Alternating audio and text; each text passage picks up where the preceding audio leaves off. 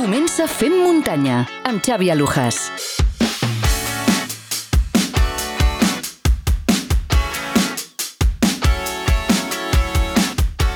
Hola, benvingudes i benvinguts al Fem Muntanya, el ràdio podcast dedicat íntegrament a temes relacionats amb la muntanya. Comencem aquest ja sisè programa amb una gran novetat que ens fa molta il·lusió anunciar.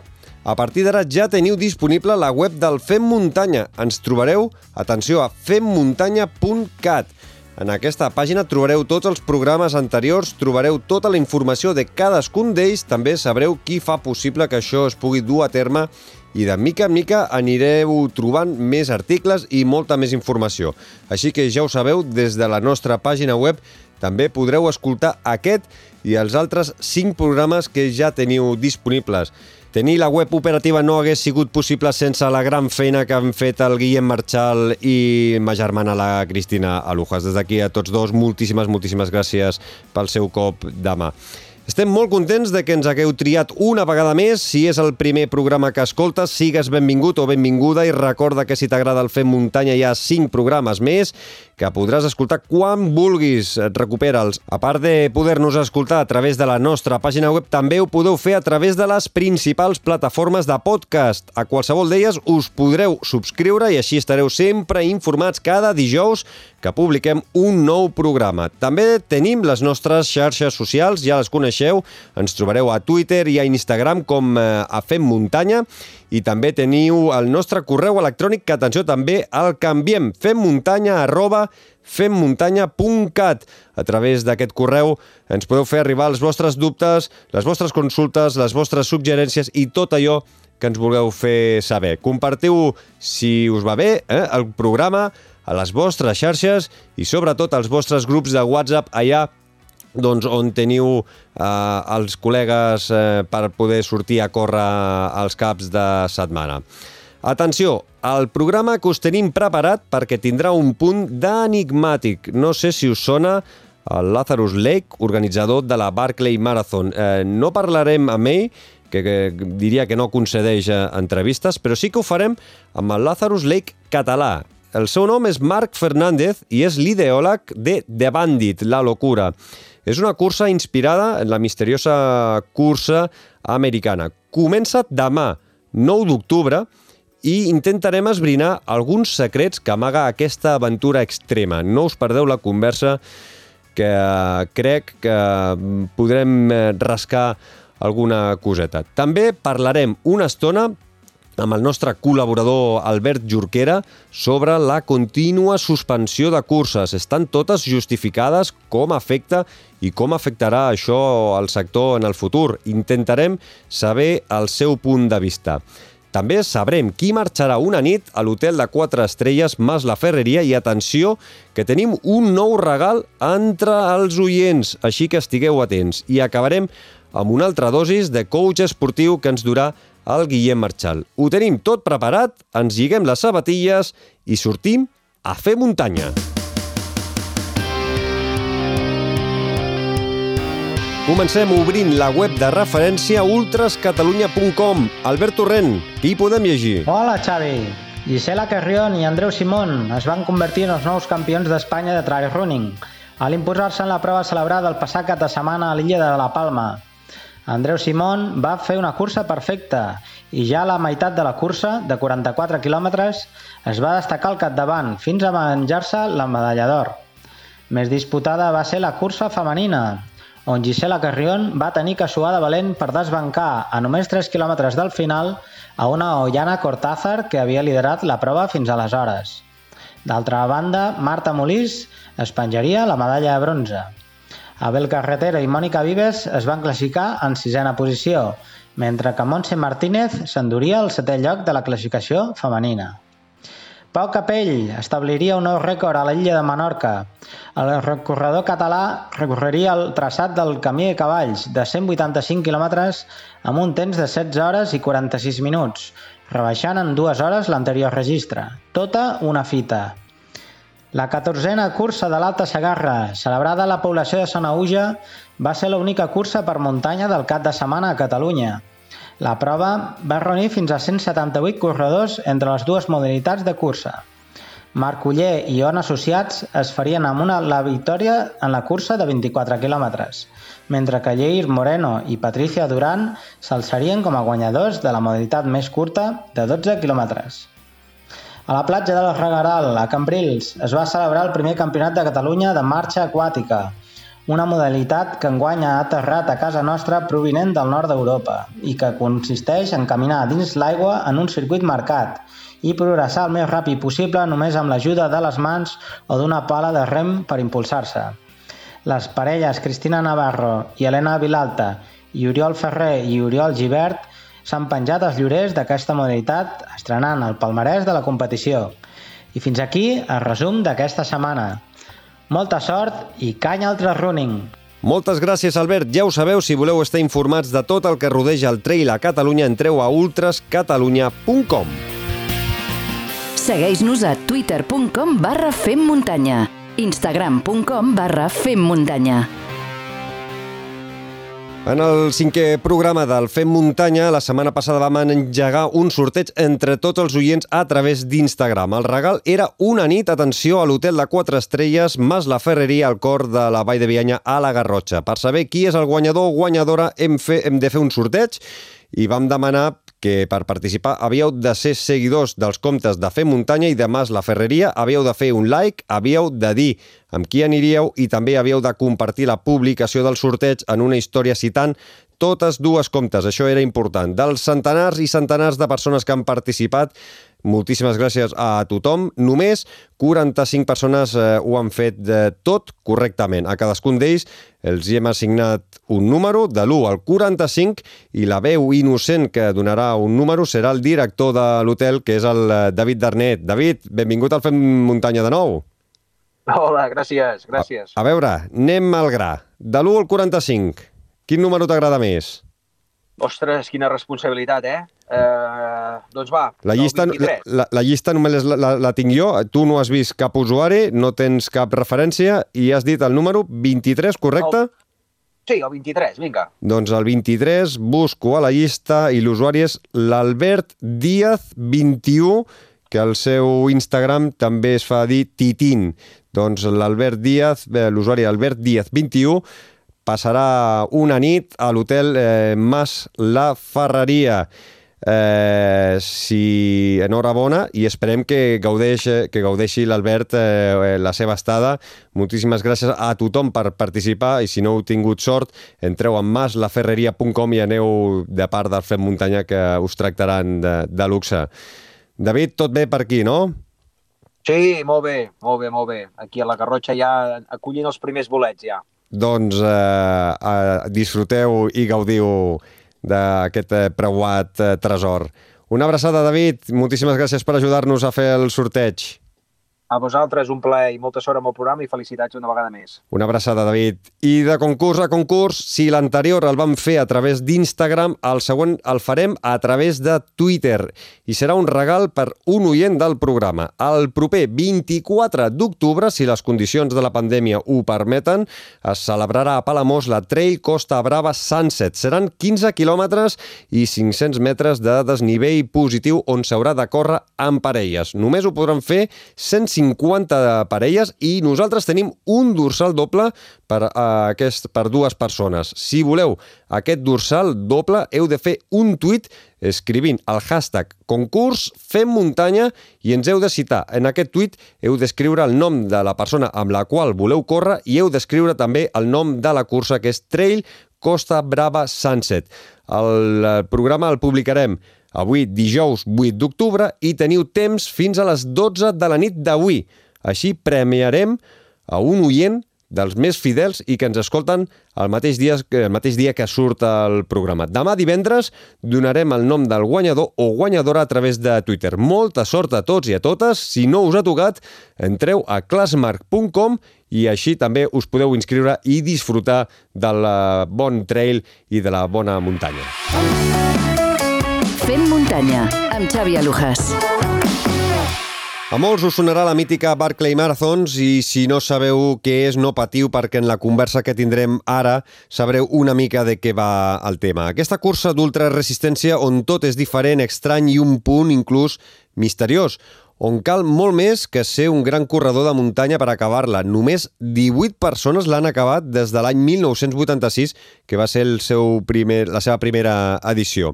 El seu ideòleg és el Lazarus Lake, i a casa nostra tenim el Marc Fernández, que és creador de The Bandit, que seria una mena de Barclay catalana. Començarà demà divendres 9 d'octubre i és la seva primera edició. Anem a veure què podem saber nosaltres d'aquesta estranya també i enigmàtica cursa. Saludem al Marc Fernández, benvingut a Fer Muntanya. Hola, què tal, Ets... Xavi, com estàs? Molt bé, i tu? Teniu tot eh, enllestit? Sí, ara ja està tot enllestit i esperant que comenci demà la gran festa demà o a la nit o a la matinada. Ara, ara parlarem. No, no, no te m'avancis, que, que, que ara, ara parlarem perquè ni l'hora és eh, certa, no, no, ho sabem, no sabem quin, quina hora començaran. Ets l'ideòleg de, de Bandit i està inspirada, com deia, en la Barclay Marathon. Per a la gent que no sàpiga què és la Barclay, res, ens pots fer 5, eh, 5 cèntims. Sí, la Barclay Marathon és una prova que realitza a l'estat de Tennessee, als Estats Units, i a la qual eh, els únics que hi ha és que has d'anar amb mapa i brújula. Eh, és a dir, que no serveix el GPS, no serveix el telèfon mòbil i l'única manera que pots orientar-te pel mig d'un bosc, que és, molt que és molt tancat, és a través de la brújula i el, i el mapa. Eh, com bé has dit, sol han acabat eh, 18 persones en, 30, en 31 anys de, que té la Barclay Marathon i a la qual és, jo crec que és una de les proves més dures que hi ha, ara per ara. Mm -hmm. Juntament amb la Cher 3 Terminorum, que també, com si diguéssim, la germana francesa, que es fa a, a, a, un, a un poble de Chartres, a França, i a la qual encara, amb dos anys que porten de vivència, eh, no ha acabat cap corredor déu nhi déu nhi sí, bueno, és, a, a veure de bandit si l'acaba algú. Eh, eh, no sé, això ja t'ho diré. Ah, de bandit és eh, molt més que, que una cursa d'ultraresistència perquè quants quilòmetres hauran de fer els participants? Els participants, qui pugui completar, perquè després ho parlarem si vols, sí, eh, la cinquena volta eh, ho podrà fer amb uns 180-190 quilòmetres. Déu-n'hi-do. O sigui, molt, sí. Són molts quilòmetres. Molts, molts. molts quilòmetres. La Barclay està inspirada en la fuga de l'assassí de Martin Luther King, Això de Bandit. En qui, en, en qui està inspirat? Bueno, doncs mira, te'l presentaré, si vols, Xavi, perquè el tinc aquí. Aquest és en Carrasclet. Ah, molt bé. Eh, el tenim aquí i en principi estava, està fet amb, amb la intenció de que tot es mogui amb, amb els amagatalls eh, itineraris i recorreguts per on passava en Carrasclet a la seva època. Eh, pense que, que estem parlant del 1.600 llargs, 1.990 i 1.714 eh, i endavant. Vale? Eh, va estar viatjant per moltes parts d'Europa de, també, perquè es va casar amb una dona que austríaca i llavors va viure a Àustria, però Eh, aquí nosaltres el que hem volgut fer és al municipi de Capçanes i tot el que envolta la serra de Llaveria, eh, que és on ell d'alguna manera s'amagava de tots els soldats borbons. Vale? I ho hem plantejat que l'aventura eh, es faci a tota la serra de Llaveria, que és molt gran, per cert. Sí, sí, i poc, i, i poc coneguda en general. I poc coneguda, sí. Uh -huh. uh... Moltes sorpreses s'enduran, jo crec, eh, i, i fins i tot poden tindre, uh, crec que alguna sorpreseta de, pel mig del bosc. Ai, ai, ai. I això ho deixem aquí i que els participants eh, ho vegin. Per cert, quants en són? Quants eh, podran córrer? Eh, Al final són 35 participants. 35.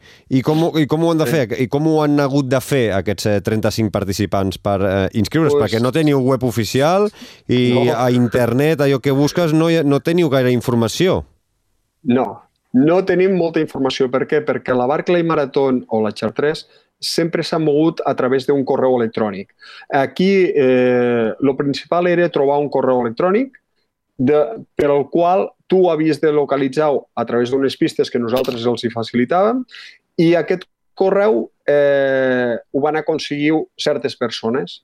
Eh, com, com no ho van aconseguir el totalitat de persones que estaven buscant en aquells moments, pues vam, vam fer d'altres, vam donar d'altres pistes que poguessin trobar eh, altres, altres coses i que poguéssim aconseguir els 30 que en un principi volíem, eh, que volíem agafar. Eh, finalment han sigut 35, 35 participants, eh, ja està tancat des de fa uns mesos i, i, bueno, i són 35 persones que, que venen de molts llocs d'aquí d'Espanya. I aquests eh, 35 eh, corredors o corredors eh, afortunats, o potser no, ja veurem, no han pagat cap inscripció, no?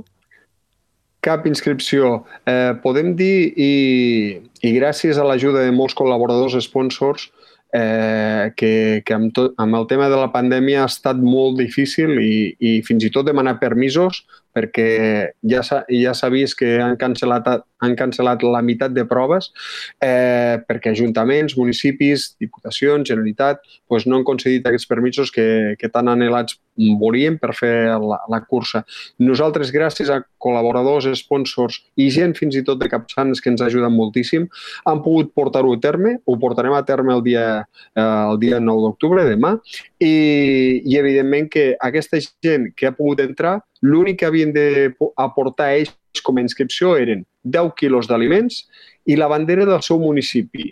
Municipi, província, ciutat, amb la que ells se veien identificats. Crec que és una bona, una bona manera per descriure el que una persona o un corredor, quan va a les ciutats o va als països de fora, pugui ensenyar la seva bandera, perquè crec que més simbòlic que això no, no hi ha res eh, amb la, la, difere la diferència o la similitud que teniu en aquest cas, amb aquest eh, punt amb la Barclays, és que els corredors, els, els 40 corredors que hi participen han de portar eh, una matrícula del, del seu país. Vosaltres sí. feu portar Clar, una, aquí una, hagués una sigut complicat, Xavi. Hagués sigut molt complicat, Xavi, perquè, clar, la matrícula totes pràcticament suales. Si no ve algun, alguna persona sí, de fora les, de totes les, to, Sí, totes molt... les europees són iguals i has dit que uh, aquest any, amb el tema de la pandèmia, tots els que hi participaran, en principi venen d'Espanya, de, no? D'Espanya, sí. Eh, tenim alguns corredors de la part valenciana, eh, tenim alguns mm, corredors de la part del País Basc, tenim altres aragonesos i aquí a Catalunya. I també tenim una persona que ve del país amic, Andorra, que, bueno, que complementen aquests 35 corredors. Bueno, a veure, anem a posar anem a posar-nos en situació. De, de, a, a, veure, a veure què pots explicar i què no. Demà comença de Bandit, eh, sabem l'hora de, que es donarà el tret de sortida pa, i com es donarà el tret de sortida. I ara aquí aporto la informació amb la diferència de, de Barclays. Eh? El Lazarus vale. avisa només una hora abans amb una mena de, de corneta, amb una mena de Sí, de... bueno, caracola. Una caracola, una caracola. sí, una, és una caracola, sí. i comença sí. una hora després d'aquest de, avís eh, encenent una cigarreta. Sí. Uh, sí. i, te, I els participants han d'estar 12 hores a l'espera que Lazarus Lake uh, doni el tret de sortida. Vosaltres, mm, clar, has dit al principi no, que no teniu clar l'hora, això... No, no, com, com... Tenim, nosaltres sí que tenim clar. El sí, que no tenim clar són participants. els participants, eh? O sigui, que no teniu... Eh, els participants no saben l'hora a la que sortiran no. demà. Té, no. Que tenen 12 hores, també? Eh, Una franja de 12 hores per no poder sortir? No ho sabeu. O sigui... És que això no ho sabem. O sigui, bueno, no... ho sabem, però no podem donar aquesta informació. Eh, també t'he de dir que eh, seria molt il·lògic, i més venint de fora com ve la gent aquí, que, que sabem que, que per motius laborals, eh, familiars, això, eh, els féssim arribar a, a una hora i que després eh, haguessin de sortir 12 hores després. ¿vale? Ja sabem que quan anem a, als altres països ens esperem i facilitem les coses eh, perquè som així. Però aquí ho farem més senzill, eh, i jo crec que no trigarà molt de l'hora que més o menys puguin arribar els corredors participants. Mm. No serà, posem 12 hores, però sí que podrien ser 5, 6 hores o 4. Mm -hmm. Has dit que això serà a Capçanes, a la Serra Iberia, al Priorat, eh, una serra doncs, una mica farèstega. La Barclays fan 5 voltes en diferents sentits eh, dins el Sí. mateix circuit i tenen 60 hores per acabar. En The Bandit, eh, com serà? Serà un circuit i hauran de donar voltes? Eh, seran circuits diferents? No, aquí, aquí el que hauran de fer és eh, posem-nos en situació, es donarà el tret de sortida i aquest any és una mica especial, ja sabem tots, ho faran de munt amunt, no, no sortiran tots a la, a la vegada, ho Mhm. farem de munt amunt, cada 10 segons sortirà un participant, d'acord? Amb totes les mesures higièniques sanitàries que, que s'esdevenen pel tema del Covid. Eh, llavors, el primer sector és en sentit sud, la primera volta és en sentit sud, poden realitzar entre 35 i 45 quilòmetres, I això, aproximadament. això de què depèn? De si es perden o no es perden? Bueno, és que tot depèn de si troben a la primera els llibres o no. tu ho has dit.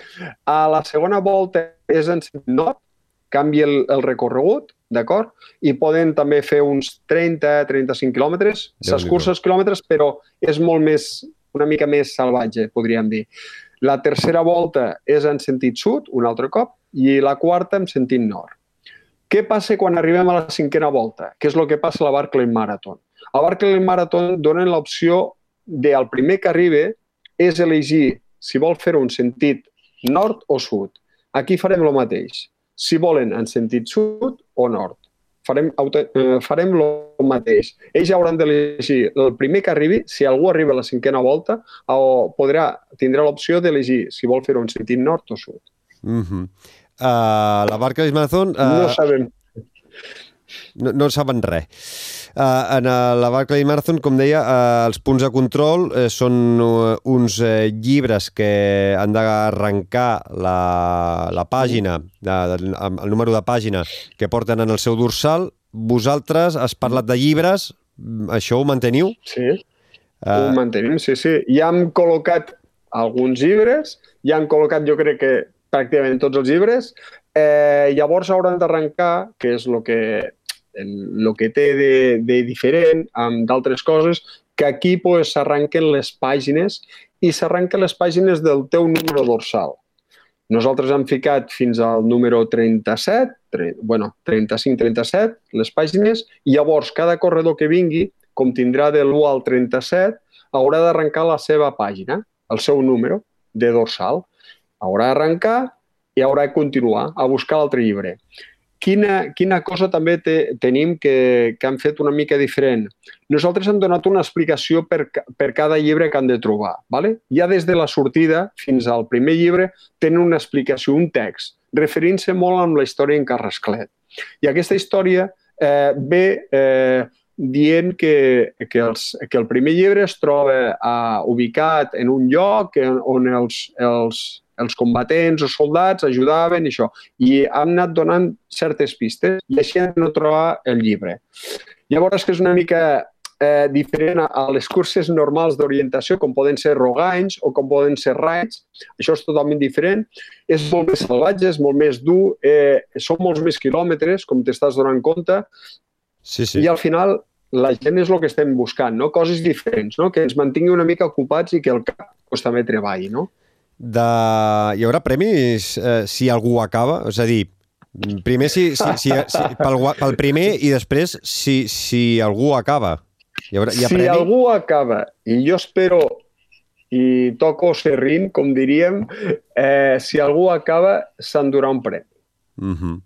No, no podem dir el què, però s'endurà un premi. Ah, jo tinc un dubte. No poden portar mòbil, en principi? No, No. poden portar sistema Bueno, GPS? Han de portar el mòbil. No, no, t'equivoques. Han de portar el Ah, mòbil. vale. L'únic que nosaltres, el, a l'hora de sortir, els hi tancarem amb una bossa estanca i els hi posarem a, a, a la bossa. Per què? Perquè aquest, aquest, eh, si hi ha qualsevol cosa, incidència, que, Mhm. que cal, que es fa mal, hem d'avisar. I ells el que han de fer és obrir la bossa estanca i trucar-nos ràpidament perquè els anem a buscar. ¿vale? Perfecte. Què porten a, a més a més? Mm, ja amb, el fet, portaran un GPS, un tracker, Un, és a dir, un una, un, un seguiment online, vale? els amics, la família, els companys, tots els podran seguir, tots. Els 35 corredors participants els podran seguir eh, les hores que duri la de Bandit. És a dir, que en tot moment nosaltres sabrem on estan ells, L'únic que ells no sabran on estan, però nosaltres sí, i els seus familiars amics també sabran. Han posat un punt d'aigua en el recorregut perquè els seus assistents els puguin també facilitar o roba, o menjar, o, o, o aigua. Eh, Així serà una mica d'autosuficiència que és, que és bastant semblant al de Barclays, però si no recordo malament, ja fa un temps que vaig veure el documental, sí. uh, de Barclays l'avituallament només el poden fer uh, cada cop que passen per l'arribada-sortida Sí, sí. i, i pel mig es troben del bosc es troben garrafes d'aigua, és l'únic que es troben. Bueno, es troben garrafes d'aigua, però també eh, moltes vegades, eh, no sé si has vist alguna imatge, es troben eh, els seus companys familiars, es troben amb, amb una... Amb, no sé si és el punt més alt, em sembla que són unes torres, i sempre es troben gent. Clar, eh, la facilitat aquesta de dir, hòstia, és que durant el recorregut no trobaràs ningú. Uf, És, és durillo, és durillo. és durillo, ¿vale? I, I evidentment que és un bosc és que, clar, per la gent que no hagi estat per la, per la zona de Capçanes i la Serra Lleveria, eh, es portaria alguna sorpresa. Per què? Perquè és una zona molt tapada, molt boscosa, eh, sí que hi ha moltes crestes, però és una zona molt boscosa. Tu, d'alguna manera o una altra, has de veure algú. Si no veus ningú, dius, et deprimeixes. I si no trobes algun llibre, encara molt més, no? És això, no?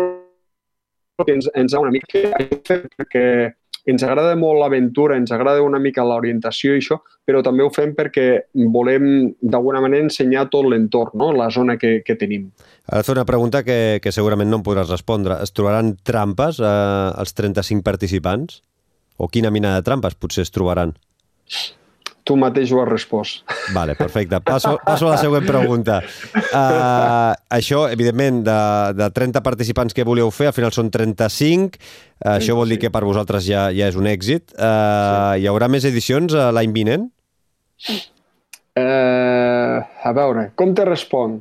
Per ser políticament correcte, eh, Xavi? Sí, sí, sí, no, no, jo, jo, et fa, jo, jo et faig la pregunta perquè toca fer-la, perquè segurament Mira, molta gent, hi ha- molta hi haurà- gent no, no sabia Eh, que, que, que es feia aquesta, aquesta prova, Sí, sí. potser que, mm, mm, eh, s'engresca Va a cara l'any vinent, eh, doncs, eh, no sé, intentar buscar la manera d'entrar. Jo crec, jo crec, i t'ho dic amb la mà al cor, eh, hi haurà una segona edició, val? això segur, i esperem que sigui a Capçanes. Però m'agradaria que la de Bandit eh, fos com va ser Carrasclet, movent-se de regió en regió. Vale. Què et vull dir amb això? Que és possible que hi hagi una sorpresa i que és possible que aquesta edició s'hagi fet aquí a Capçanes, però la següent és possible que ens transportem a un altre indret.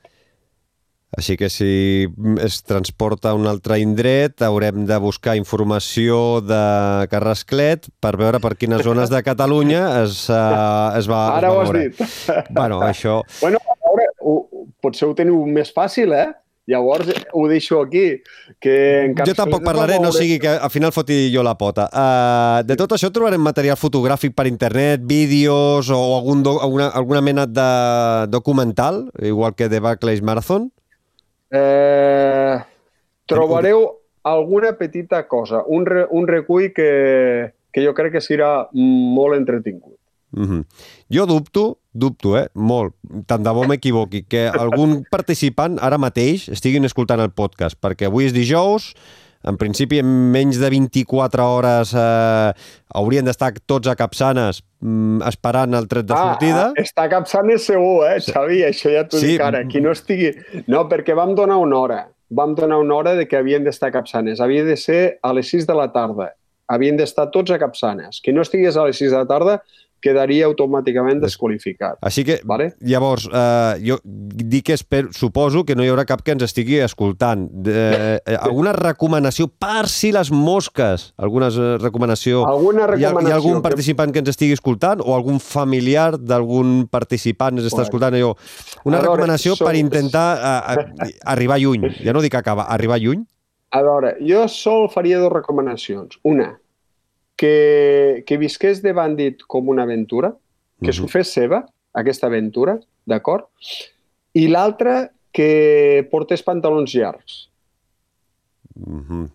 Sí, sí, la gent que hagi vist el, el documental de Barclays Marathon Tu l'has vist, no? Sí, sí, l'he vist fa un, fa un parell d'anys. Ara, per desgràcia, no es pot trobar en cap plataforma, En el no, mom- abans estava a Netflix. a Netflix i ara, no- ara no hi és, ara no hi és, així que no el podrem eh, posar. Sí que per, al YouTube hi ha eh, trailers, hi ha algun tràiler de, Sí. de lo que és el documental. Ara mateix no l'he trobat a cap plataforma. Si en algun moment més endavant sortís, doncs ja el faríem servir a través de les nostres eh, xarxes socials.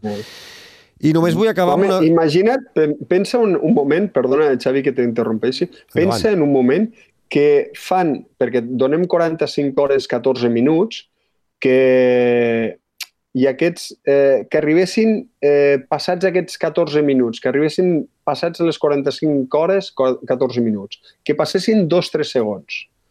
Tu, en Què aquest faries? cas, com a director de cursa, tu què faries? Sí. Perquè si tu has vist algun tràiler, tu ja has vist el que va passar amb els 6 segons, Sí, eh, descalificat. No entra. desqualificat. No dubtaries ni un sol moment, no?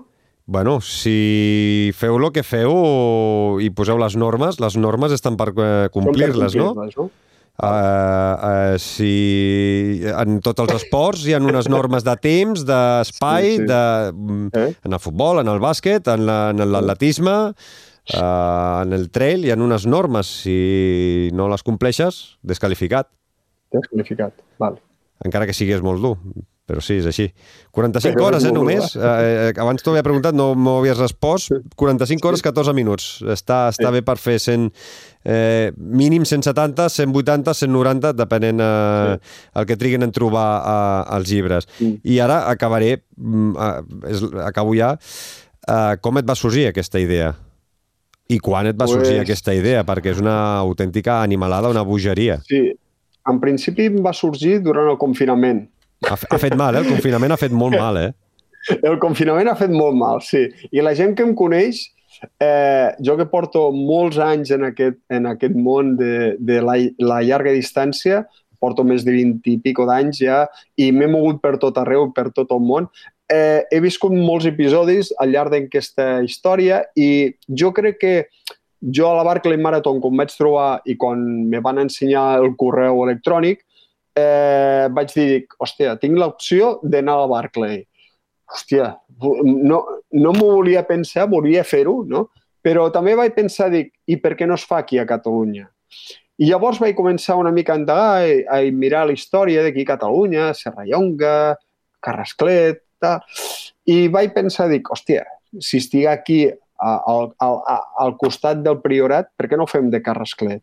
I vaig mirar, vaig estudiar una mica el tema del Carrasclet, Josep Maria ai, Joan Barceló, i vaig mirar una mica que havia estat també bandido, que havia estat eh, bandoler, guerriller i tal. I dic, hòstia, i vaig començar a fer els noms, canviar-ho i tal, i em va sortir el de bandit. I dic, hòstia, doncs un nom apropiat per lo que pot ser, no? I llavors, doncs, bueno, un altre va dir, hòstia, això és una autèntica locura, què dius? I em va, va ficar la frase, no? De bandit la locura, no? pues una mica pues, això em va sortir a través del confinament i d'haver pensat quines curses o quines, quins reptes podia fer no? al llarg d'aquest any. I mira, així ho tenim. De Doncs, eh, Marc, parlarem en un futur perquè, a més a més, eh, si no vaig equivocat, ets eh, organitzador de Ultra Trail Llastres, ets eh, organitzador de Vandecames, eh, totes dues curses aquí a les Terres de Tarragona. Eh, tinc amics que, que hi han participat. Eh, totes dues curses són molt fàcils, molt planeres, aptes per tots els públics, no cal entrenar per participar-hi. Uh, en parlarem eh, en el- els propers mesos a veure si... perquè eh, Llastres la vau suspendre durant el confinament perquè Dos va- dies abans. dos dies abans i la vau passar al novembre i també la vau acabar suspenent així que Sí. esperem que el 2021 si tot va bé hi torni, no? Suposo que sí, que hi tornarà.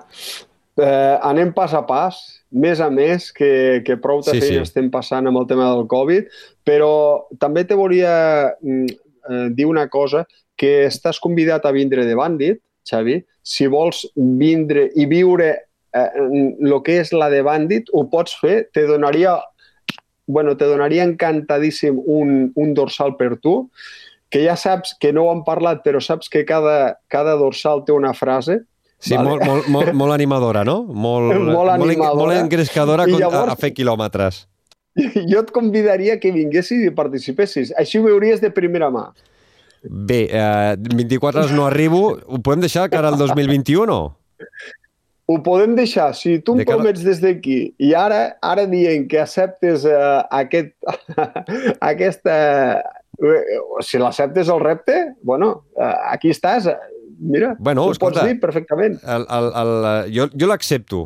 Difícilment Vale, crec que arribaré a fer els 170 170 quilòmetres. Ara, No. viure, viure l'experiència del que és, ara, ara, ara mateix eh, accepto el, el repte de cara al, al 2021. L'acceptes? Sí, sí, a cara a la, la propera edició, el 2021, sigui quan sigui, ja m'avisaràs amb el temps que creguis que em pots avisar, ho farem públic aquest podcast, aquest eh, programa, i, i ho veurem des de, des de dins. Accepto Val, la, el repte. Vinga, doncs. Que crec, crec, crec que a tots ens, ens calen reptes per, per tirar endavant I tant. Sí, i, sí. i veure una cosa, I veure coses en futur i, i em, fa, em fa molta il·lusió doncs, eh, poder viure-ho des de dins. Evidentment, a, a, aquest any 2020, que 24 hores més impossible anar-hi, però sí que de, de cara al 2021 hi vindré segur. Sigui on Vale. sigui. Acceptat, eh? M'ho has promès, eh? Ho he promès eh, davant de tothom, així que Vinga. això està gravadíssim. Marc Fernández, anem parlant, eh, a veure si, si de cara doncs, al 2021, la nova edició de, de Bandit, en el qual eh, fem muntanya i serà, eh, Llastres eh, i Banda Cames doncs, eh, es poden tirar endavant també de cara a l'any eh, vinent. Ha sigut tot un plaer poder parlar amb tu, haver-te conegut, i, bueno, Artur, molta sort mm, per de, demà, que tot vagi molt bé, i els que hi participin, que són uns afortunats, o, o potser no. Vull dir, potser... Vos, mo moltes gràcies a vosaltres, eh, Xavi, i, bueno, i un plaer estar aquí amb vosaltres i esperem que, com bé dius, que surti bé i que, sobretot, eh, que s'ho passin molt bé els participants. Moltíssimes gràcies. Una abraçada, Marc. Igualment. Vinga, salut. Subscriu-te al podcast de Fem Muntanya. Saludem ara l'Albert Jorquera i és periodista i és una de les persones que més en sap del món del trail. Hola, Albert, benvingut al Fem Muntanya de nou. Hola Xavi, què tal? Avui t'hem citat per parlar sobre les suspensions de carreres, però abans deixa'm preguntar-te sobre el que has viscut aquest cap de setmana a Bagà a partir de la suspensió de l'Ultra Pirineu. Els de Salomon heu creat la Ultra Pirineu El Reencuentro. Explica'n així breument en què ha consistit. Sí, doncs era, era complicat d'una banda perquè es volia fer alguna acció eh, que de, en certa manera doncs, recordés l'Ultra Pirineu en aquell cap de setmana, però per l'altra, clar, eh, s'havia de ser molt conscient de no provocar un efecte crida, per una banda, no? de que vingués gent, i de l'altra també fins i tot de, de no juntar-se massa gent. Aleshores, al final, el que vam decidir, que era una cosa que havíem parlat fa temps, era reunir els corredors actuals de l'equip Salomon Yati amb equips, eh, amb corredors històrics de, que havien format part d'aquell equip eh, mític del Salomon Santiberi, on ta, també hi havia en Kilian Jornet, en Miguel Eras, i bé, al final va estar molt bé, no? perquè ens vam retrobar gent que, que feia temps que no ens veiem, eh, com l'Iker Carrera, no? la Nerea Martínez, la Mònica Aguilera, l'Agustí Roc i l'Aurel Olivar, i, i bé, dintre de què va ser això, no? de que al final et trobes mm, moltíssims problemes organitzatius perquè has de vigilar un munt de coses, doncs va ser un acte bastant íntim i bastant bonic a nivell intern. No, no sé si va ser molt interessant de seguir perquè al final doncs, van córrer junts tots els trams i tal, però sí que va ser molt emotiu i molt, i molt bonic. Bueno, a xarxes l'hem pogut anar seguint tant a Twitter com a Instagram i la veritat és que era curiós eh, doncs, el que deies, no? recuperar aquests corredors que van participar a l'equip Salomon Santiberi de potser fa 10 anys amb els, que, amb els corredors actuals, com el Jean Margarit. Eh, també, bueno, eh, tenia el dubte si Tòfol Castanyer estaria en un equip o en l'altre, perquè Tòfol Castanyer és dels mítics també ja, eh? Sí, podria haver estat als dos. Podria haver estat als dos tranquil·lament. Un, un dia hem de dedicar-li la secció a parlar de la feina que feu totes les persones que feu seguiment de curses, eh, ja sigui a nivell comunicatiu com a nivell de, de suport als corredors professionals. Et sembla bé o no, Albert? Sí, és, la veritat és que és, és bonic eh? i és interessant viure des de dintre. O sigui, com ho planifiqueu Eh. tot? És a dir, primer, perquè tu has fet les, les dues vessants. Has eh, donat suport a corredors professionals i també dones eh, suport a nivell comunicatiu eh, a les curses, a, a nivell eh, doncs, eh, xarxes socials, a nivell de, de, de YouTube. Vull dir que és molt curiós com us ho planifiqueu, com ho treballeu eh, in situ. Si et sembla bé, li dedicarem una, una secció. I normalment, com que no hi ha gaires mitjans, normalment s'han de fer, quan vas a, al lloc, digués, s'han de fer les dues coses. Sigui, has de donar suport. Jo recordo una Transvolcània que eh, quan s'acostaven els corredors estava fent fotos i aleshores anava corrents després a dintre a on tenia tot preparat per quan arribessin els corredors donar-los... És a dir, que a vegades t'has d'organitzar així, però és divertit. déu nhi quin, quin estrès perquè els corredors eh, doncs, també et demanen que estiguis per ells i, i, i que perdis el mínim temps eh, possible. Sí, sí.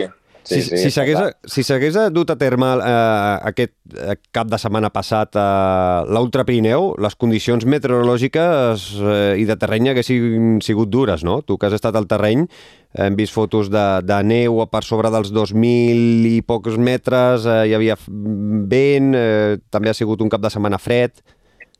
Sí, el, el divendres, de fet, eh, el divendres, de fet, eh, va fer molt de fred, eh, va ploure i el divendres sí que la cursa jo crec que no s'hagués pogut fer o s'hagués hagut de tallar moltíssim.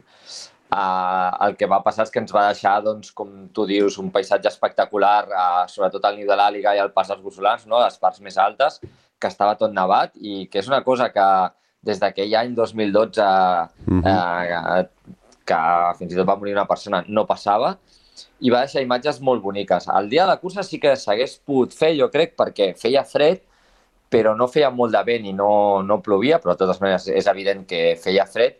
I clar, clau era una mica, vam parlar amb l'organitzador, que quan arribés la nit la gent ja hagués passat el pas de Busolans, no? perquè ja tota la cara d'estar sent és com més... Però vaja, hagués sigut, sí, hagués Una, sigut una edició una, més dur. mi- més èpica que, que algunes anteriors que hi ha hagut eh, més calor que, que fred. Eh, Albert, acabem de parlar amb el Marc Fernández, organitzador de, de Bandit, que seria la Barclays Marathon catalana. Eh, no sé com ho veuries tu, si t'animaries a buscar el correu electrònic per poder participar en aquesta aventura. Et criden aquesta mena de, de curses, d'aventures o no? Mm, No, no gaire, la veritat. No, o sigui, com a seguiment i com a cosa fins i tot anecdòtica està bé i, i jo, de fet, abans de que la Barclays um, explotés mediàticament, jo ja l'havia investigat, que va, pràcticament no hi havia informació, perquè ho vaig buscar i ho vaig incloure al meu llibre i vaig al·lucinar amb el muntatge, però com a competidor no... Trobo que, que és molt perillós, el fet, a més, d'anar um, sense marques, eh, navegant... De fet, ja no tens ni, ni una navegació, sinó que et donen pistes i tal. Sí, sí, I mapa, que- un mapa i una brúixola has de fer, has de fer una mica de supervivència, eh?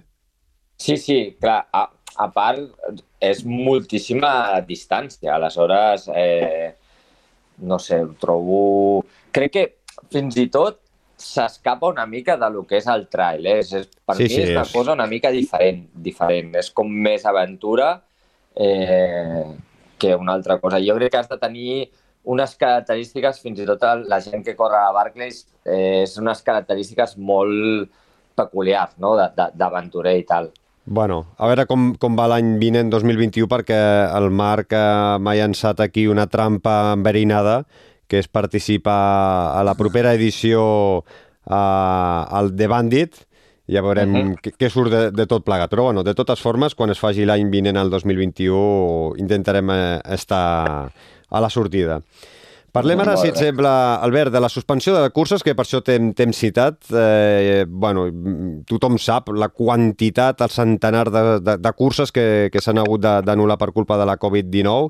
Eh, tu creus que eh, tots els organitzadors l'han suspès per culpa del Covid, eh, és a dir, eh, per una ètica sanitària o, o tots els motius són perquè les eh, eh, autoritats sanitàries o autoritats locals els han retirat els permisos? Eh, és, una mica... Cada, cada, el, el, una mica el curiós de tot és que no hi ha un únic motiu. Eh, és a dir, eh, una cursa es pot celebrar el mateix cap de setmana i passar per una localitat, que és el que va passar amb el, amb el Trail Cap de Creus, i que la setmana següent aquell ajuntament decideixi que una cursa que queda una setmana no se celebri per raons sanitàries.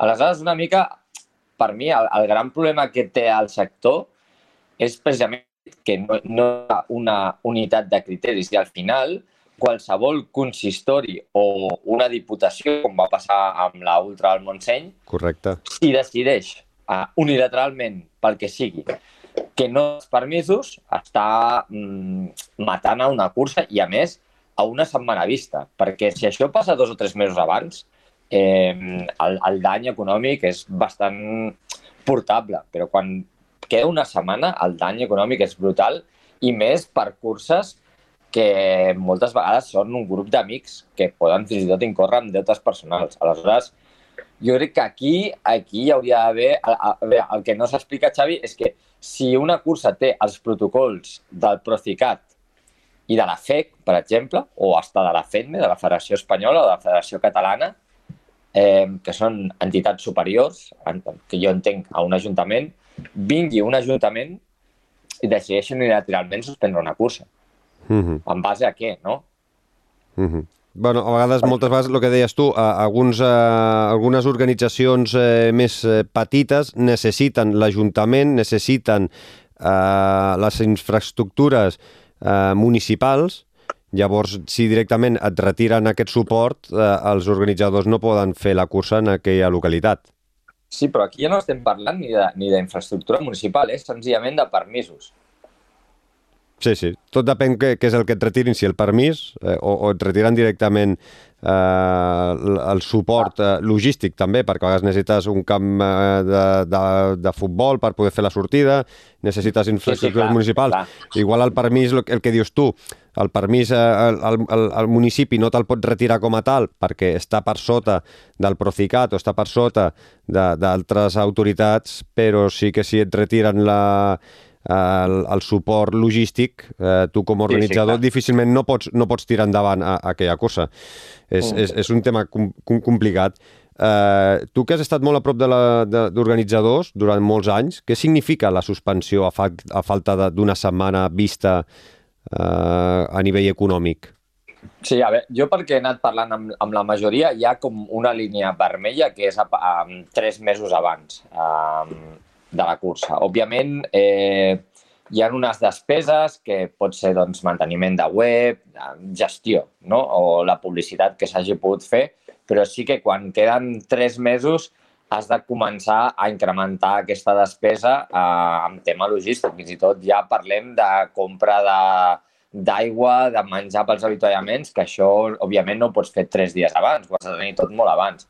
Aleshores, um, és això, tu a lo millor uh, tres mesos abans doncs, les teves despeses poden ser un 20%, però és que una setmana abans pots haver gastat el 85% de, del pressupost. El Melcior Troncal el, ens va comentar que a falta d'una setmana vista l'anul·lació de la- de l'Ultra del Montseny eh, suposava més del 90, entre, entre el 90 i 95% de, de les inscripcions doncs tot Clar. el pressupost s'havia gastat eh, amb, amb, amb la preparació de, de l'Ultra.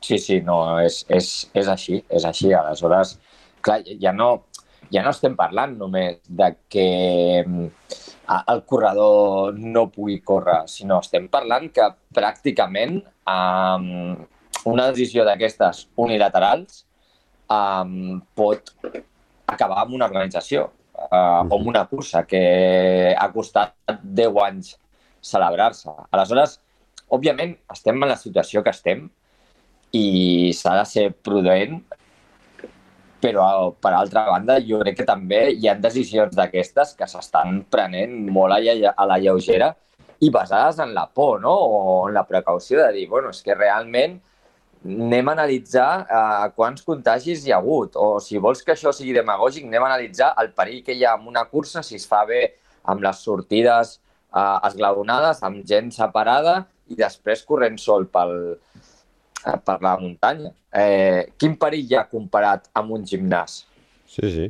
Per exemple, els gimnasos estan oberts i els gimnasos, oi que tenen un permís de l'administració amb unes condicions i amb un protocol? I oi que si els gimnasos compleixen aquests protocols que els han donat des de dalt, no vindrà l'Ajuntament i te'l tancarà? Aleshores, per què passa això amb les curses? Eh, jo crec també que és, òbviament, perquè és un sector que potser des de la societat no es percep eh, econòmicament com es pugui percebre un gimnàs, i a part tampoc hi ha, al final són organitzacions petites que no tenen uh, cap capacitat de, de, de protestar o d'unir-se, però realment crec que el mal que se li està fent a aquest sector eh, s'hauria d'analitzar. I... Uh, fins, hi ha hagut curses que s'han celebrat ara i no hi ha hagut uh, cap problema. I, estan, i, I jo quasi tot el que he vist s'ha adaptat mm, al protocol. De fet, jo crec que cada, fins i tot hi ha algunes que passen del protocol i tot, no? Perquè sí, sí. estan hipersensibles amb aquest tema. -huh. Aleshores... Tu creus, que són, tu creus que el, el, les autoritats que retiren els permisos, que prohibeixen o, o recomanen no, que no es faci tal cursa, ajuntaments que, que, no, que, que no es facin tal cursa, tu creus que són conscients ja no només el mal que fan a, als organitzadors, que és, és evident, sinó el mal que fan a, a la zona per la no arribada. Vull dir, clar, evidentment, el, els, els corredors no venen, no consumeixen els locals, no dormen en, en els establiments de, de, de, dels llocs eh, on es eh, fa tal cursa. Tu creus que són, són, arriben a pensar el mal econòmic que poden fer a una zona? Sí, jo crec que o no en són conscients o si en són conscients realment no, no els importa gaire. No, realment jo crec que al final suspendre, i més a una setmana vista, és la decisió fàcil i, si m'apures, una mica covard. Uh -huh. um, per exemple, és que a part, amb la, de, amb la malció que tu, tu vas parlar, és que la Diputació dona unes raons um, per suspendre o sí, per retirar els permisos, que és uh, la massificació de gent vinguda de diferents llocs uh, en un cap de setmana. Sí, sí. Aquí, vale, aquí, sí, aquí, sí. aquí. Si fas això, eh, tenca el parc, perquè cada cap de setmana ve moltíssima gent de diferents punts i s'ajunten allà. Sí, sí. És a dir, a veure, al final el tema, ja et dic, no és tant suspendre o no suspendre curses, és els motius i tenir un criteri clar, perquè a un lloc sí i a uns altres llocs no. I per què una autoritat, i, i, i en el cas de que, en, en aquest cas de l'ultra de del Montseny, doncs que la Diputació de Barcelona tingui la potestat de suspendre o no suspendre de retirar els permisos a, per motius bueno, sanitaris. Sí. Poden, poden retirar per altres motius, però per motius sanitaris eh, segons ens va dir el Melció, no ho veia gens, gens clar. O sigui, la Diputació et pot prohibir que, que passis per una zona, que, que pugis a un cim, sí, però que et clar. retirin tots els permisos per passar pel parc per motius clar. sanitaris, és el que comentes, no? Per què no tanques tots els camins i tots els accessos al Turó de l'Home, a les Agudes o al Matagalls? I cada cap de setmana aquesta zona està plena de, de gent que ve de tot Catalunya. Clar, és que al, al final realment el problema per mi, ja et dic, és si tu et donen una raó que és incontestable, no? A dir, bueno, és que hi ha aquest perillo, hi ha això, hi ha això, hi ha això, dius, molt bé, d'acord, però és que estan... hi ha unes raons que no, no s'entenen. És com a cada què, és el mateix. Eh, quin problema hi ha que vinguin 300 corredors o 400 comparat amb quants turistes venen cada cap de setmana? Ah, però és clar, és que els turistes deixen calés. Vale, ah, però aleshores no és una raó sanitària, és una raó econòmica. Sí, sí. I tant. Ah, és que al final, no sé... I els, mica... I els corredors també jo, deixem que... i els corredors també deixem diners a, a, allà on anem a córrer, perquè sempre sí, vas, sí. Eh, eh, segons on sigui eh, vas a dormir la nit abans, segons on sigui vas a, a, a sopar, vas a dinar, eh, si vas al mateix dia moltes vegades doncs esmorzes abans o després de la cursa, vull dir, que també no deixes, no deixes de ser un turista a, a fer una activitat eh, esportiva. Eh, Albert... Sí, sí, està claríssim això, està claríssim. Un cop anul·lada la, la cursa, mm, què creus que haurien de fer els, eh, els organitzadors amb el retorn dels diners de les inscripcions? Perquè hi ha molts organitzadors que ja tenen a la seva web eh, eh la, la norma de, de no tornar els diners per eh, anul·lacions eh, que no tenen a veure amb uh, la pròpia cursa. Uh, tu com ho veus? Clar, jo... Aquest cas és, és, és complicat de respondre perquè al final cada organització sap uh, el que està posant en joc i el, i el que no, no? Eh, també entenc el corredor que, per exemple, s'ha apuntat, fins una setmana abans li estan dient que la cursa es farà i, i una setmana abans no només per la possibilitat de córrer, sinó que a sobre per inscripcions que a vegades van 100, 120 euros, I sense tant. que se li torni res. Aleshores, que, també entenc el que et deia, que a un organitzador o una setmana vista ja no és que, que desaparegui la cursa, és que pot quedar endeutat de, de per vida o durant molt de temps, perquè són molts diners que, que, que has perdut. No? Aleshores, jo, uh, pel que he viscut uh, personalment, crec que a mi em va passar amb la Ultratrail del Mont Fuji al Japó, que havia d'anar-hi a l'abril, i a ells se'ls va cancel·lar poques setmanes abans, i ells van enviar un full a japonesos, eh? són molt, molt quadrats, van enviar un full d'Excel a tots els corredors detallant punt per punt eh, els diners que s'havien gastat. I deien, i ens hem gastat això i ha sobrat això. Això repartit entre tants corredors és un 20 o 25%, i és el que van retornar. Aleshores, realment, a veure, jo ho entenc, això ho entenc. Home, aquesta, aquesta, no- aquesta, aquesta solució potser seria la més lògica, no? Ser transparent amb tots els corredors, enviar el full Mm. de despeses, a, a el que dius tu, no? un Excel amb el full de despeses a, a dia de, sus, de la suspensió, dic, mira, a dia de tal ens hem gastat tant amb això i ens queda tants diners i, i només se us pot retornar el 20%. I a partir d'aquí Mm. posar altres opcions. Voleu que us retornem el 20%? Clar, Us voleu, voleu que, eh, continuar inscrits eh, per l'any vinent? Eh, bueno, diferents opcions, no? Sí, sí, et diré que fins i tot a- aquesta gent del Catel del Mont Fuji van enviar la samarreta, que ja les tenien fetes, a, a, en aquest cas a mi me la van enviar aquí a Vilanova, si és ahir a l'altra banda del món, eh, i es van preocupar per això, no? Aleshores, jo com a corredor entenc que al final també saps que quan t'inscrius en una cursa un dia hi ha aquest perill, però eh, també sap greu això, no? Veure com fins a l'últim moment eh, hi pot haver la decisió d'un regidor o d'un ajuntament que et faci perdre tu els diners, la il·lusió i tot. Aleshores, jo crec que això s'ha d'anunciar una mica, no? A dir, ei, si s'ha de suspendre perquè la situació és supergreu, d'acord, però no es pot suspendre alegrement. I si se suspèn eh, una cursa d'aquestes, s'haurien de canviar moltes coses a la societat. Uh -huh. I ja per acabar, Albert, eh, tu que tens eh, connexió fora de les nostres fronteres, com està la situació a la resta d'Europa i a la resta de, del món? Celebren curses internacionals? Doncs eh, se n'estan fent algunes, eh, òbviament amb, amb participació bastant local o dels països del voltant, eh, però ara ja estem a l'octubre i, i bé, tradicionalment ja és un... és final de temporada, aleshores és veritat que hi ha hagut moltes curses que també hi han decidit suspendre veient... Al final, el que és una cursa internacional eh, ha, hagut de, ha hagut de suspendre. Aleshores, bé, de totes maneres, per exemple, a la Golden Trail Championships, Azores, de moment continua endavant, que és a finals d'octubre i allà en teoria hi ha d'haver un munt de corredors internacionals. Eh, depèn una mica de, de la voluntat, això que dèiem, no? de, de, dels organitzadors i de, de les autoritats de cada país, entenent també que en molts altres països estan millor que aquí a Espanya, que aquesta és una altra cosa que, que no veiem, no? Uh -huh. Doncs eh, a veure si la situació doncs, no sé, millora a poc a poc. Eh, veiem la llum al final de, del túnel. Fa molts mesos que sempre diem el mateix. La cosa continua igual, es continuen suspenent doncs, eh, desenes i desenes de curses. Eh, la gent doncs, que va mirar les xarxes socials cada dos per tres sempre va veient eh, cursa tal, suspesa, cursa tal, suspesa. Per sort, continuen havent curses que, que sí que es fan, curses més petites, curses on eh, potser venen poca gent de la resta d'Espanya, en la qual potser fer la traçabilitat és una mica més, més senzill doncs eh, haurem d'anar seguint aquestes curses eh, petites que sí que es puguin anar fent, que no els hi retirin els permisos i sobretot que la pandèmia estigui una mica controlada i no, no se'n vagi de, de mare. Deixa'm acabar Sí, digues. amb una cosa, que al final també, que això no ho hem comentat, però aquest, aquests casos estan espantant a molts organitzadors que podrien uh, organitzar curses més petites tranquil·lament. Sí, sí.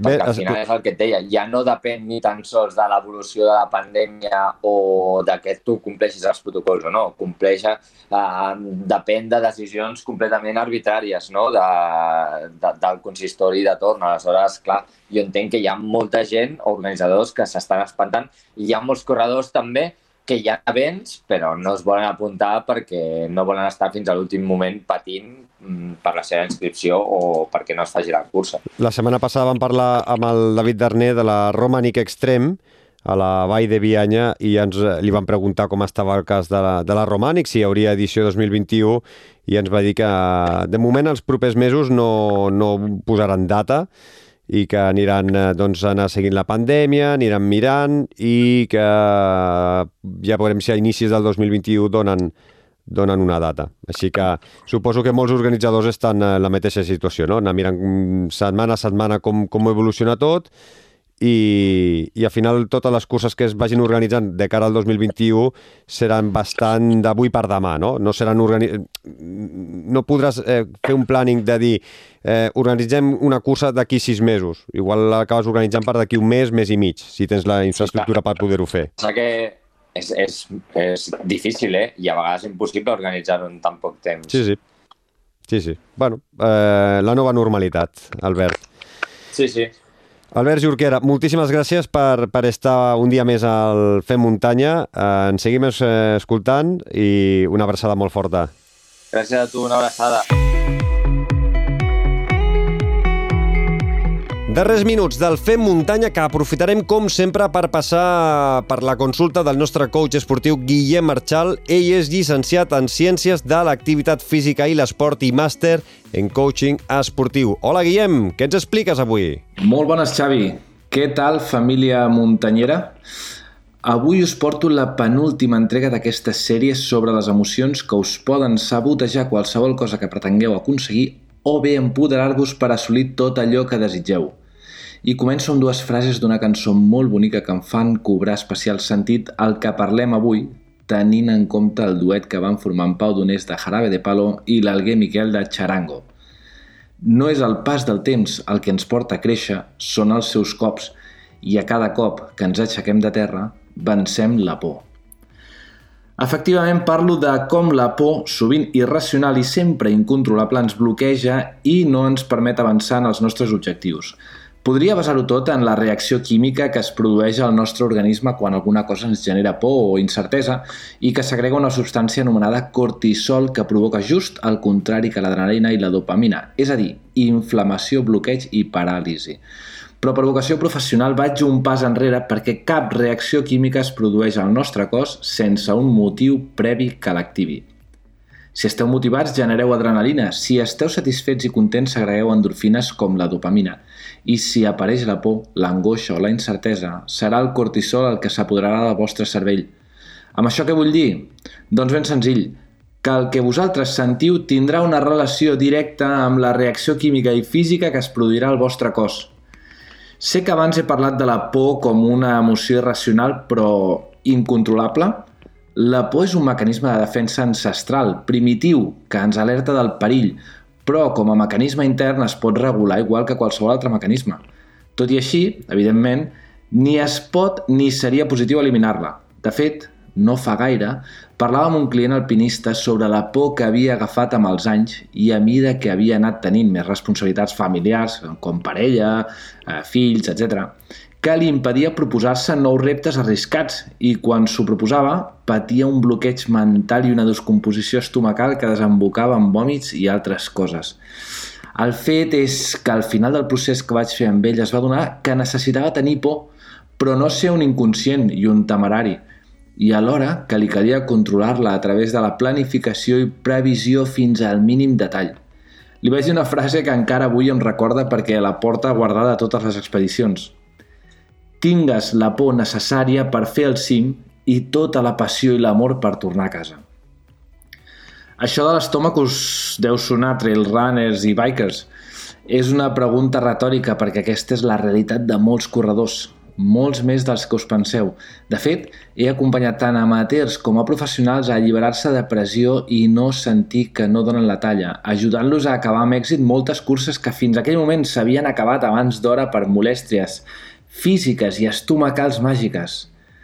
Però bé, si us interessa aquest tema en podem parlar un altre dia. Així doncs, fem muntanyeres i fem muntanyeros. La millor manera de reduir la por, la incertesa, l'ansietat i l'angoixa, fins al punt que us sigui assumible i necessària, és mitjançant la passió i l'amor que sentiu per a vosaltres, per qui us envolta, per l'entorn natural i per l'activitat que feu. La passió us farà tenir el cap enfocat en el que feu, en l'aquí i l'ara, donant-vos el punt d'atenció, de fredor, de previsió, d'il·lusió, de realisme i d'optimisme que us ajudarà a tirar endavant qualsevol repte que us proposeu. La por apareixerà quan tingueu l'oportunitat d'abandonar i la passió us aportarà lucidesa i energia per vèncer els obstacles que us trobareu o que us posareu vosaltres mateixos i mateixes de manera inconscient. No és senzill, però si l'alternativa és deixar de fer allò que us apassiona, que us dona felicitat i que us fa sentir vives i vius, l'ajuda i l'acompanyament us faran invencibles. Amigues i amics, que el que la passió ha unit no us separi la por. Bé, Xavi, parlant de tot això, quan he escoltat el Marc Fernández de la Berkeley catalana m'ha collonit una mica, però m'apassiona tant l'esport i la muntanya que si tinc l'oportunitat m'hi fico de quatre grapes. Salut i fins la setmana vinent. Moltes gràcies, Guillem. Dijous vinent i tornem amb més consells i més històries. Entreu a guillemmarchal.com si voleu llegir més articles seus. I ara arribem al final d'aquest sisè Fem Muntanya i, com sempre, us donem les gràcies per haver escoltat tot el programa. Recupereu tots els programes anteriors i subscriviu-vos si no us voleu perdre cap més. Ens trobareu a totes les plataformes de podcast i a partir d'avui també tenim la nostra web femmuntanya.cat. Allà trobareu tots els programes i també tota la informació de cadascun d'ells. També ens trobareu a les nostres xarxes socials, tant a Twitter com a Instagram. Ens trobareu com a Fem Muntanya. Ens encantarà llegir-vos i recordeu en etiquetar-nos a Instagram mentre feu les vostres sortides muntanyenques i compartirem les vostres fotografies en les nostres eh, històries. També teniu el nostre correu electrònic que ha canviat avui, femmuntanya arroba femmuntanya.cat i acabaré agraint la feina de tot l'equip que ha fet possible aquest sisè programa. L'Albert Torrent, el Guillem Marchal, l'Albert Jorquera i el Marc Fernández. Recordeu que tenim un sorteig d'un dorsal doble per la Trail Costa Brava Sunset en marxa. Si voleu aquest dorsal doble, heu de fer un tuit escrivint el hashtag concurs Fem Muntanya i, a més, ens haureu de citar. En aquest tuit heu d'escriure el nom de la persona amb la que voleu córrer i heu d'escriure el nom de la cursa Trail Costa Brava Sunset. Animeu-vos a participar, que la cursa val molt, molt la pena. De debò, Moltíssimes gràcies a tots i a totes per ser-hi i rebeu una abraçada de qui us ha parlat Xavi Alujas. Tornem dijous vinent amb més històries i, sobretot, molta més muntanya. Fins llavors, gaudiu de la setmana amb salut, seny i muntanya. Subscriu-te al podcast de Fem Muntanya.